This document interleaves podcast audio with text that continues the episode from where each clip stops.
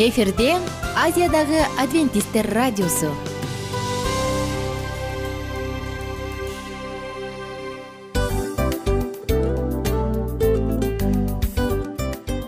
Достор салют. Баардык сүйүктүү угармандарыбызга салам айтабыз. Кутман күнүңүздөр менен.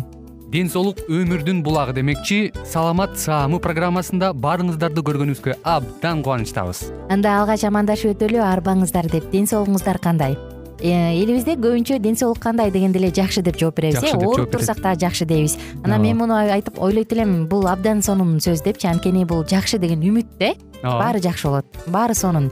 Деп үмүттөнүп атып эле өзүбүздү өзүбүз дарылап коебуз. Анысы кандай? Сиздин дагы ден соолугуңуз жакшы беш деген үмүттөбүз чындыгында ден соолук бул өмүрдүн булагы деп бекеринен айтылган эмес деп ойлойм. Кыргыз элинде анткени эгерде ден соолук жок болсо анда адамдын жашоосунда калган баардык керектүү маңыздуу нерселер өзүнүн баалуулугун жоготуп коет. Ошондуктан ден соолук бул эң керектүү нерсе. Ооба туура айтасың кесиптешим чынында ден соолугуң жок бир эки үч күн ооруп калсаң эле э кандай болуп калат? Жашоодо көз каранды болуп каласың көп нерсеге жетишпей каласың көп нерсени кыла албай каласың. Жада калса эшикке дүкөнгө да чыга албай каласың. Туптуура анан ден соолук болсо демек биз биздин бактыбыз тотой деп койсок болот. Анда достор саламат саамы рубрикабызды баштайлы. Алдыда өзүңүзгө керектүү болгон сонун кеңештерди уга аласыздар. Мына ошондуктан биз менен бирге болуңуздар. Ал эми биз болсо милан жана айнура. Кеттик алга. Алга саламат саама ден соолуктун жарчысы. Саламат саама ден соолуктун ачкычы. Күн сайын сиз үчүн мыкты кеңештер сонун жаңылыктар кызыктуу фактылар биздин рубрикада.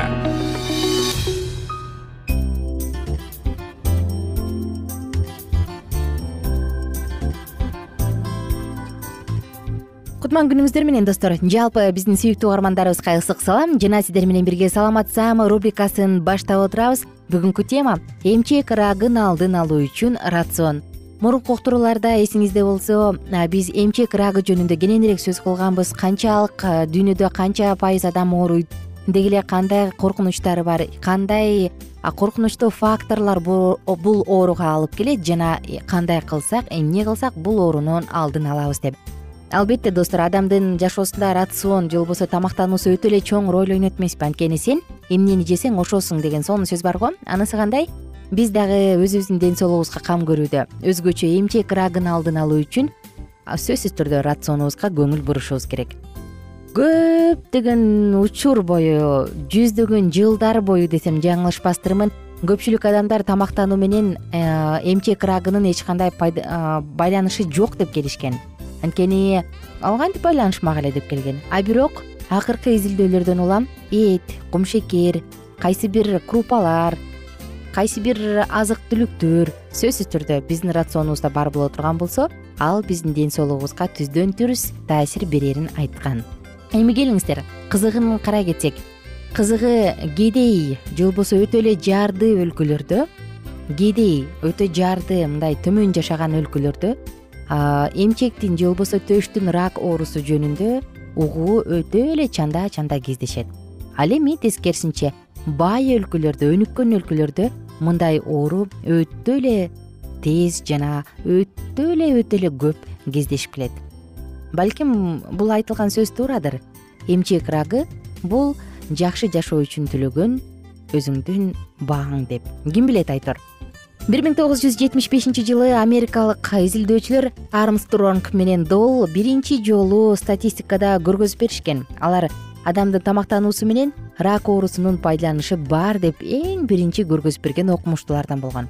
Алар болгондо дагы кадимки эле кызыл эт менен малдын майынын өтө эле көп өлчөмдө болушу адамдын аял затында эмчек рак оорусунун жогорулашына алып келет деп далилдеп көргөзүп беришкен ал эми кайсы бир өлкөлөрдө тескерисинче жок андай эмес. Бул жөн гана туш келип калды андай эмес. Чынында эттин малдын майынын эч кандай ден соолукка таасири жок. Аларда белок көп деп дагы айтып келген окумуштуулар болгон. Бирок ошого карабастан акыркы изилдөөлөрдү ала турган болсок канчалык деңгээлде аял заты менопаузага чейин кызыл этти бул уйдуку койдуку чочконуку өзгөчө өспүрүм учурда көп колдонуп келген болсо ал кийин рак оорусуна чалдыгуу коркунучуна көп пайыз кабылаарын дагы айтып беришкен.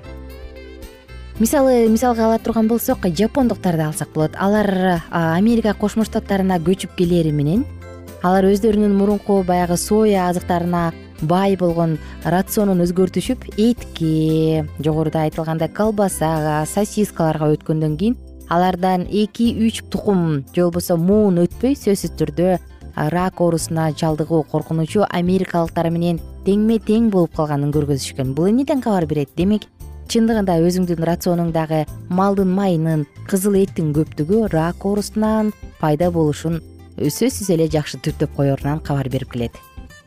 Эми достор андан ары сөз кыла турган болсок. Өзгөчө эгерде адам колбаса ветчина гамбургер чочконун эти менен көп тамактана турган болсо анда ал айында тилекке каршы эмчек рак оорусуна чалдыгуу коркунучу жогору болот экен. Эми биз болсо болбойт болбойт дегендерди айтып келе жатабыз. Э анда эмне болот? Деги эле рациондо эмне болуш керек? Кантип тамактаныш керек? Грек жаңгагы жана бардык баардык бардык бардык семечкалар уруктар булардын баардыгында тең поли каныкпаган альфа линоль кислоталары көп болот булардын арасында албетте зыгыр уругун дагы сөзсүз түрдө кошуш керек. Булар ракка пайда ракты пайда кылып келе жаткан жаман клеткалардын баардыгын жок кылып организмди мындай коркунучтуу оорудан сактайт. Ошондой эле соя тофу соя сүтү булардын баардыгын тең өлчөмү менен ашыкча эмес керектүү өлчөмдө гана колдоно турган болсо бул дагы сөзсүз түрдө адамдын ден соолугун бекемдейт. Фрукты мөмө жемиштерди жашылчаларды сабиз ит мурун шпинат жалбырагын булардын баардыгын жеген жакшы брокколи өзгөчө түстүү жөнөкөй эле кадимки капуста баардык капусталарда булардын баардыгы күчтүү антиоксидант болуп саналат. Мына ошондуктан булардан баардык шишиктин түрлөрү коркот колуңуздан келишинче жумасына жок дегенде эки күн капуста жеп койгонду унутпаңыз. Эмесе достор биз э, жогоруда айттык эмне жеш керек эмне жебеш керек деп. Эми болсо жалпысынан эмнеден баш тартыш керек? Эгерде биз өзүбүздүн ден соолугубузга өтө кам көрүп карай турган болсок анда майлуу эттен сосиска колбаса сыр малдын майынан жасалган баардык майлардын баардыгынан баш тартуу керек. Уйдукубу койдукубу чочконукубу айырмасы жок. Баардык кызыл эттен транс майлардын баардыгынан баш тартуу кажет ошондо гана биз өзүбүздүн ден соолугубузга кам көрө алабыз. Андан сырткары достор сөзсүз түрдө дал эле ушул жака ак нанды жакмакташылган кумшекерди пирожный выпечкалар торттор ак ундан жасалган баардык ак ун жана чакмакташылган кумшекерден жасалган баардык азык түлүктөрдүн баардыгын дал ушул жерге киргизсек болот. Тафс университетинин окумуштуулары айтат мындай деп. Рак оорусунун кайсы бир түрлөрүн пайда кылуучу коркунучтуу азыктардын бири бул кумшекери көп болгон суусундуктар дейт. Газдалган суусундуктар. Мейли ал пакеттеби мейли ал газдалганбы мейли ал бөтөлкөдөбү айырмасы жок бирок булардын баардыгы тең матканын жатындын ушундай залалдуу шишигине алып келет. Сүт бездерин жана бөйрөктүн залалдуу шишиктерине алып келет экен ар бир адам өзүнүн ден соолугуна кам көрүүгө тийиштүү деп айтат элем ошондуктан достор биздин ден соолугубуз биринчи байлык деп бекер айтылбайт эмеспи. Колуңузда бар болгон ден соолукту барктаңыз жана баалаңыз а биз болсо сиздер менен убактылуу коштошобуз. Айтарыбыз достор сиз эмне жесеңиз ошолсуз. Ошондуктан колдон келишинче көбүрөөк бир килограмм этти үч жүз жыйырма төрт жүз сомго алганча ошол сом ошол акчага мөмө жемиштерди жашылчаларды алыңыз. Рационуңузду байытыңыз антиоксиданттарды көп жеңиз саламаттыгыңызга кам көрүңүз. Анткени рак оорусу азыркы учурда өтө күч алып турган учуру. Жалпыңыздарга ден соолук каалоо менен бирге мен коштошом аты жөнүм айнура миназарова. Кийинки уктуруулардан кайрадан сиздерди күтмөкчүмүн. Саламат саама ден соолуктун жарчысы. Саламат саама ден соолуктун ачкычы. Күн сайын сиз үчүн мыкты кеңештер сонун жаңылыктар кызыктуу фактылар. Биздин рубрикада салют замандаштар баарыңыздарга ысык салам. Дил маек программабызга кош келиңиздер. Дил маек рубрикасы дегенде эле бул эмне болгон дил маек? Ким менен маектешебиз деп сурайт болуш керек угармандарыбыз бул рубриканы кыскача тааныштыра кете турган болсок ар тарап кесип ээлеринен болгон сонун интервью кеңештер бар. Ооба. жылдыздар менен болгон маек бар. Аталарыбыздын агаларыбыздын чоң аталарыбыздан сонун кеңештер бар. Ошондой эле эже сиңдилердин кеңештери бар айтор. Баардык кызыктардын баары алдыда. Негизи эле адам баласы бир кимдир бирөөнө ишенип сырын ачкысы келет эмеспи э мындай баарлашууга жакын келебиз го. Албетте негизи бир жерге отуруп алып кенен шашпай баягы жүрөктөн жүрөккө ачып сырларыбызды ар кандай көйгөйлөрүбүз менен бөлүшүп баягы чын жүрөктөн маек курганды кимибиз сүйбөйбүз э? Ооба десең ал нерсеге суусап да келебиз да. Ооба кээ бирде адамга чындыгында баягы э, ысык маек баягы жылуу маек жетишпейт да. Ошондуктан биз ушул рубриканы ойлоп тапканыбызда эң биринчи эле достор сиздер менен чын жүрөктөн бир маңыздуу темаларды козгоп кеткени кааладык. Ошондуктан ушундай сонун бир рубриканы тартуулап жатабыз. Анын үстүнө радио дагы сонун дос да анткени э, мындай учурда досуңа айтсаң досуң досуна айтат досу досуна айтат да анан бүт өлкө билип калышы мүмкүн го. А радио болсо сени сатпаган сенин айыбыңды ачпаган сенин сырыңды эч кимге айтпаган сонун дос. Мына ошондуктан биздин алдыдагы айта турган кеңештерибизди биздин досторубуздун кеңештерин угуп анан ал жака пикириңизди дагы калтырып кайрадан биз менен байланышсаңыздар болот. Деги эле жашооңузга эгерде кичине болсо дагы өзгөрүү алып моралдык жактан нравовдук жактан сонун бир кеңештерди алсаңыз демек биз максатыбызга жеттик. Ооба. Чыңгыз атабыз улуу жазуучу э, чыңгыз айтматов айткандай адам болуу бул күнүмдүк процесс экен. Күн сайын адам бойдон калуу бул адамзатка эң эле кыйын дейт э? э эң кыйын дейт. Чындыгында бунун негизинде адамдын эң баягы сапаттуулугу адамдын э, адамгерчилиги жана көптөгөн керектүү нерселер. Мына ошол темалар дагы бизде э, ушул дил маекте биз аларды да козгойбуз. Э, ден соолук жөнүндө да сүйлөшөбүз. Сөзсүз түрдө анан милан мырза негизи айтып коюшат го. Э, биз көбүнчө эмнени ойлонсок? Ошол нерсеге карата иш кылабыз го. Ооба. Анан анысы кандай? Балким бул радио баракчада кимдир бирөөнүн оюн текшергенге жардам берет кимдир бирөөнүн жүрөгүн текшергенге жардам берет. Балким кимдир бирөөгө жашоонун маңызын тапканга жардам берет. Айтор кызыктын баары алдыда бул жөн гана кыскача жарнама анда угармандарыбыздын баардыгын кийинки рубрикабызга чакырабыз. Ал эми кызматта маңдайымда отурган кесиптешим милан жана мен айнура. Анда эмесе биз даярдаган терең терең ойлор менен таанышууга кеттик. Алыс алыс баралык. Анда эмесе достор биз менен бирге болуңуздар. Алдыда эң кызыктуу маалыматтардын баардыгы бир нече мүнөттөр бою жалгыз гана сизге арналат. Мына ошондуктан жакшы маанай менен угууну каалайбыз. Үн алышканча. Жөнөдүк. Ар түрдүү ардактуу кесип ээлеринен алтын сөздөр жүрөк ачышкан сыр чачышкан сонун маек дил маек рубрикасында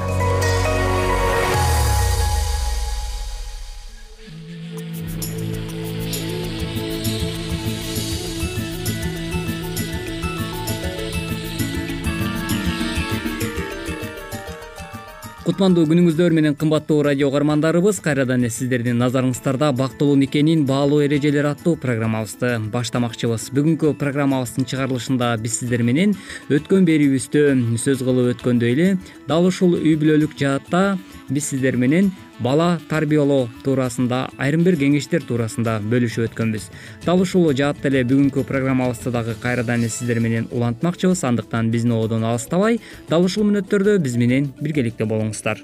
Деги эле бала тарбиялоо жаатында биз кандай кеңештерге орток боло алабыз бүгүнкү программабызда сөз кылмакчыбыз. Андыктан биздин ободон алыстабай дал ушул мүнөттөрдө биз менен биргеликте болуңуз.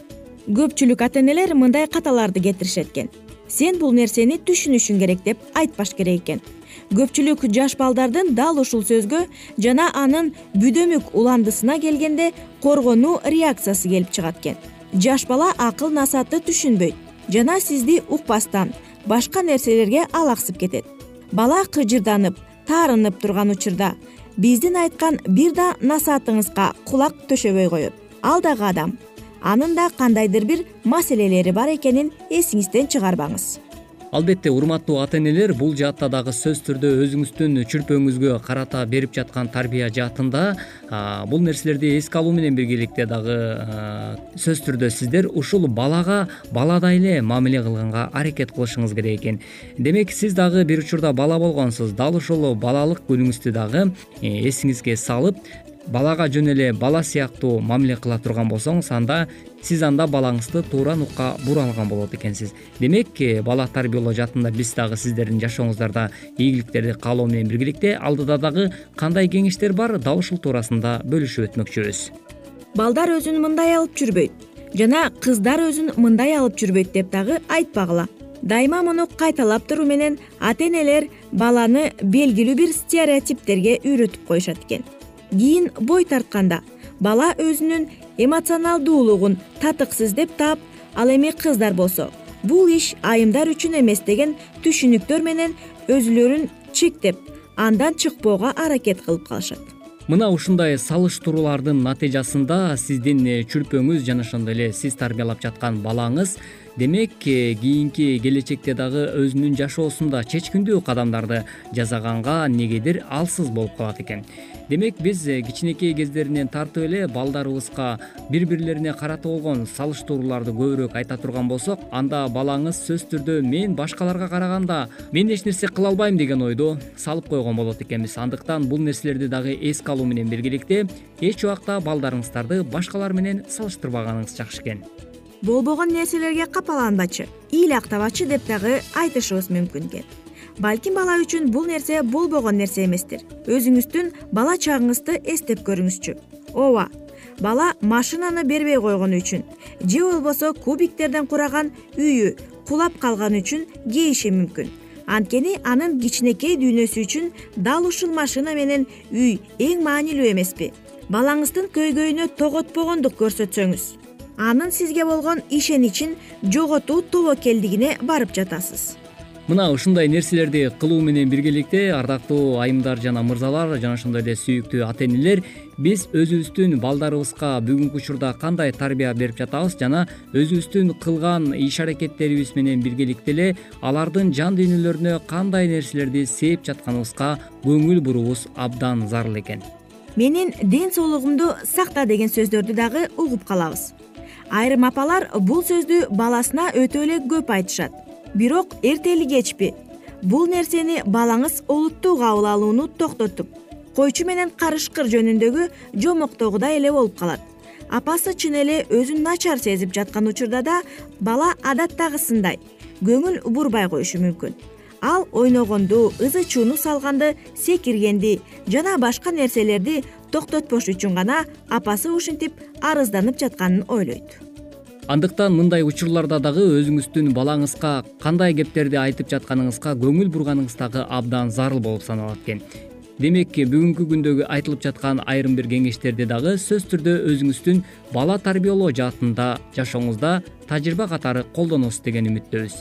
Көпчүлүк ата энелер муну сатып алганга акча жок дешет. Балага эмне үчүн баарын катар менен сатып алууга болбой тургандыгын түшүндүрүү оор. Бирок аталган сөздөр бала. Ата энемдин акчасы болгондо дүкөндүн баардыгын сатып алса болот деген гана бүтүмгө келет. Андан көрө балаңызга мындай оюнчук сенде бар да. Шоколад болсо өтө зыяндуу деген сөздөр менен эмне үчүн сатып бербей турганыңызды түшүндүрүңүз. Сөзсүз түрдө э, бул жаатта биздин финансылык каражаттарыбызда кандай көйгөйлөр болуп жатат албетте биз балдарга түшүндүрүп бере албайбыз. Бирок э, аларга туура түшүнүк болуш үчүн биз э, кайсыл нерсени алсак туура болот жана ошол эле учурда кайсыл нерсе көп учурда зыяндуураак ушул нерселерди көбүрөөк айтуу менен биз балдарга туура түшүнүк бере алган болот экенбиз. Андыктан бул нерселерди айтуу менен биргеликте биз балдарыбызга туура жеткиргенге аракет кылган болсок анда балдар дагы сөзсүз түрдө биздин ойлорубузду түшүнгөнгө аракет кылат деген үмүттөбүз. Көп ата энелер мындай катачылыктарды кетирет экен элдин балдарын карачы а сен болсо иленди жүдөмүш жана башка ушул жаман сөздөр менен балдарын айыптайт экен ушуга окшогон сөздөрдү балага жармаштыра берүүнүн кажети жок. Бул нерсе баланын өзүнө болгон баалоосун түшүрөт жана да бала ошого ылайык кыймылдай баштайт. Бөбөктү тургузуш үчүн көп аракет жумшаш керек. Биринчи аны эмизген жана жалаяк жана шым алмаштырган кийиндирген түйшүккө толгон күндөр жана уйкусуз түндөр келет. Кечке жуук чарчаган буттарыңыз ооруйт. Андан кийин сүйүктүү баланы кайсыл бала бакчага жана мектепке берем деп башыңызды катырасыз. Балаңыздын чоңоюшу менен кошо келген көйгөйлөрдү чечиш керек болот. Алар оору өтмө жаш мүнөздөрдүн калыптанышы жана башкалар. Балдар бул мындайча айтканда сиздин көп убакытка созулган келечекке салымыңыз ошентип урматтуу ата энелер бүгүнкү уктуруубузда дагы биз бала тарбиялоо жаатындагы айрым бир кеңештерге назар салып өттүк. Албетте бул айтылган кеңештердин баардыгы сиздердин жашооңуздарда жакшы гана багыттарды бере берсин деген тилек менен бүгүнкү программабызды жыйынтыктамакчыбыз. Уктуруубузга назар салганыңыздар үчүн чоң ыраазычылык билгизебиз. Кайрадан эле биз сиздер менен дал ушул аба толкундан үн алышканча сак саламатта болуңуздар ар түрдүү ардактуу кесип ээлеринен. Алтын сөздөр жүрөк ачышкан сыр чачышкан сонун маек. Дил маек рубрикасында. Жан дүйнөңдү байыткан жүрөгүңдү азыктанткан жашооңо маңыз тартуулаган жан азык рубрикасы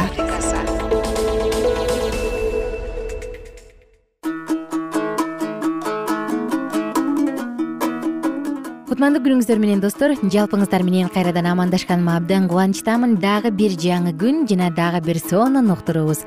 Жан азык рубрикасында сиздер менен бирге куткарылуу тарыхы деп аталган сонун китептин улантып андан ары окуйбуз биз менен бирге болуңуздар. Бакчада. Ыйса бакчада өзүнүн бардык шакирти менен болчу. Алар азгырыкка кирбеш үчүн сергек болуп сыйын кыла деп оор кайгы менен аларга айтып жаткан.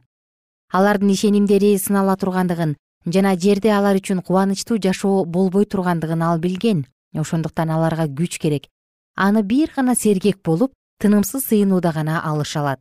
Жана муң кануу менен көзүнө жаш алып ыйса машаяк мындай деп айтты. Ата эгерде сенин эркиң туура келсе ушул чөйчөктү менин жанымдан кыя өткөрүп жиберчи. Бирок мен каалагандай эмес сен каалагандай болсун лука жыйырма экинчи бап кырк экинчи аят ыйса машаяк туталанып сыйынып жатты. Анын жүзүнөн кан аралашкан тери тамчылары чыгып жерге таанып турду. Болуп жаткан көрүнүштү карашып кудайдын периштелери ал жерде айланып жүрүшкөн жана алардын бирөөсү гана боло турган жазада ыйса машаякты кубаттоого уруксат берилди. Сыйынып бүткөндөн кийин ыйса машаяк өз шакирттерине кайтып келди бирок алар уктап жатышкан. Бул түйшүктүү саатта анын жанында ага боор ооруп ал үчүн сыйынып жаткан достору болгон жок. Петир болсо кайраттуу шакирт болуп жүрүп эми минтип кызуу уйкуга батты. Ыйса машаяк аларды ойготуп аларга өтүнүчүн айтат. Жада калса бир саат мени менен бирге сергек боло албадыңарбы? Матай жыйырма алты кырк жан дүйнөсү туталанып ыйса машаяк ошол түнү үч жолу оолактап барып сыйынды. Жүйүт ыйса машаякты сатып жиберет. Жүйүт куралданган адамдар менен келип адатынча өз устатынын жанына келип саламдашкан болуп аны өбүп коет. Ушул учурда куралдуу аскер ыйса машаякты курчап алышканда капысынан ал өз кудурети менен аларга көрүнүп мындай деп сурады. Кимди издеп жүрөсүңөр? Мен мына аны кармаганы келген адамдар артка кетчендиктешип жерге жүз төмөндөп жыгылышты. Ыйса машаяк бул суроону аларга өзүндө кааласа алар кармай алышпай турган күч бар экендигин билгизиш үчүн берди машаякты кармай издеп келишкен аскердин бардыгы кылычтарын найзаларын таштап жерге жатып калышканын көргөн шакирттердин үмүтү жандана түштү. Качан алар кайрадан турушуп машаякты кайра кучакташканда петир өз кылычын алып чыгып улуу дин кызматчынын кулагын шылый чабат ыйса машаяк анын кылычын катып коюусуна буйрук берип мындай дейт. Же эмне? Атамдан азыр жардам сурап ала албайт деп ойлойсуңбу? Ал мага он эки түмөндөп көп периште жибере албайбы качан ал ушул сөздөрдү айтканда периштелердин жүздөрү үмүттүн нуруна жанданып кетти. Алар азыр эле өз өкүмдарын курчоого алышып курчап турган кишилерди талкалап салууну каалашты. Бирок ыйса машаяк мындай сөздөрдү айтканда алардын жүзү кайрадан кайгыга толду. Ушундай болуш керек экендигин билдирген ыйык жазуулар анда кантип аткарылмак? Матай жыйырма алты элүү төрт. Качан ыйса машаяк өз душмандарына өзүн кармап кетүүгө уруксат бергенде шакирттер кайгырышып көңүлдөрү кала түштү. Шакирттер өз жанынан коркушкандыктан устатын таштап ар тарапка качып кетишти. Канкор топ адамдардын арасында бир гана ыйса машаяк калат. Шайтандын ошол кездеги кубанычы абдан чоң болду. Асман периштелери ошол кезде кудайдын дайындаган машаягын кармашып аны кордогонун көрүү үчүн жерге жиберилген. Кудайдын дайындаган куткаруучусу кабыла турган азаптарды кемсинтүүлөрдүн бардыгын аларга калтырбай жазып туруу дайындалды. Анткени ушул зулумдукка катышкан адамдардын бардыгы бир кезде ушул кылгандарын кайра көрүшүп ал үчүн жооп берише турган мезгил келет. Машаяктын үстүнөн чыгарылган өкүм. Шайтан өз шабырлары менен өкүм чыгарылып жаткан жайда адамдагы болгон жакшы сезимди жана адамгерчиликти талкалап тымгай эмгектенип жатышты. Алардын таасири тийип турган абанын өзү дагы дем алууга оор болуп турду. Улуу дин кызматчылар жана аксакалдар шайтандын жана анын шабырларынын жетектөөсүндө болушуп адамга көтөрүүгө кыйын болгон кемсинтүү жана басынтыруу менен ыйса машаякты матап жатышты. Ушундай кемсинтүүлөр жана мазактар кудайдын куткаруучусунун чыдамын кетирет. Же болбосо ал ачуулануу менен турган адамдардын гүлүн асманга сапырат. Ошондо куткарып алуу планы иш жүзүнө ашпай калат деп шайтан ойлогон. Петирдин баш тартуусу. Ыйса машаяк колго түшүрүлгөн кезде петир эмне болоор экен деген кыяста алардын артынан аңдып барды. Бирок качан петирди сен дагы анын шакирттеринин бирисиң? деп айтышканда ал өз жанынын коопсуздугу үчүн ал адамды тааныбайм деп айтат. Машаяктын шакирттерин алардын таза сүйлөгөнүнөн билишкен тигил адамдарды ишендирем менен алек болгондуктан ал ыйса машаякты тааныбайм деп үчүнчү жолу айтып каргана баштады. Ыйса машаяк петирден бир канча аралык алыс туруп аны кайгылуу көз карашы менен карайт. Ошондо гана шакирт өзүнүн эгерде бардыгы сен жөнүндө шек санаса турган болсо дагы мен сенден эч убакта шек санабайм деген сөздөрүн эстеди. Ал өз куткаруучусуна берген антынан баш тартты. Бирок ыйса машаяктын ага кадала түшкөн көз карашы петирдин жүрөгүндөгү коркунучту талкалап аны куткарып калган. Ал өз күнөөсүн сезип буулугуп ыйлоо менен кайрадан ага кайрылды. Убакыттар өткөндөн кийин петир өз бир туугандарын кубаттаганга даяр болгон. Сотто. Көпчүлүк ыйса машаяктын канын талап кылып жатышты. Алар аны аябастан сабашып анын үстүнө кызыл падыша кийимин жабышты дагы анын ыйык башына тикенектен таажы токушуп батыра кийгизишти анын колуна чыбык карматышып аны мыскылдап күлүшүп ага таазим кылышып мындай деп жатышты. Кубан иудейлердин падышасы! Андан кийин алар анын колуна чыбыкты алышты дагы аны менен ыйса машаякты башка чабышты башындагы тикенек таажыны батыра кийгизгенде ал жерден чыккан кан анын бетинен сакалынан төмөн шоргулуп агып кетти. Ыйса машаяк анын периштелер карап турушканын билген. Жада калса эң эле алсыз периште дагы бул турган топту талкалап аны алардын колунан куткара алмак ал каалай турган болсо дагы. Асмандагы ата аны бошотпосун ал билген. Анткени адилетсиз адамдар ага көргөзгөн кордуктардын мыскылдап шылдыңдоолордун бардыгына чыдоо керек эле.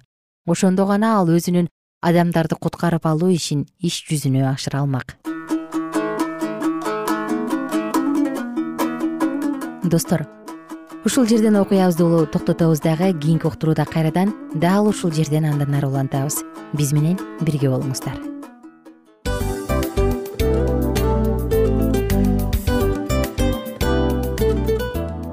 Достор биздин радио баракчаларыбыз соңуна келди. Демек бул программабызды дагы жыйынтыктачу учур келдик. Учурга келдик. Анан кесиптешимден сурагым келип турат. Негизи эле иштин башталып атканы кубандырабы сени же жыйынтыгы кубандырабы албетте жыйынтыгы. Себеп дегенде сен кылган ишиңдин жыйынтыгын көрүп э, баягы мөмөсүн көрүп дегендей жыргайсың жүрөгүң жемишинен тартып э кандай даамдуу деп. Баягы буудай сепкенде эмес буудайды эгинди жыйнагандан кийин ысык нанды жегенде кадимкидей ырахаттанасың го. Ой айтпа туура айта кеттиң сонун салыштыруу болду анан мен дагы абдан кубанып турам. Анткени биз угармандарыбыз үчүн аябай эмгектенип келген уктуруубуздун соңуна келип калдык. Анан эми уктуруубуздун соңунда угармандар кандай пайда алып калды экен деп күтүп турам да. Балким э, менин жашоомо өзгөрүү киргизе турган сонун сөздөр болду. Мен ушул нерсени изилдеп анан кабыл албасам ушул нерсени кылбасам деген чечим чыгарсаңыз анда биз абдан кубанычтабыз. Сөзсүз түрдө. Андыктан кийинки биздин кызыктуу уктурууларыбыздан көрүшкөнчө сак саламатта калыңыздар чыдамсыздык менен сиздерди мен милан жана кесиптешим айнура күтөбүз баардык угармандарыбызга ийгиликтүү күн каалайбыз. Качан гана болбосун уртуңуздан жылмаюу кетпесин үйүңүздө көмүр жүрөгүңүздө көңүл болсун дейли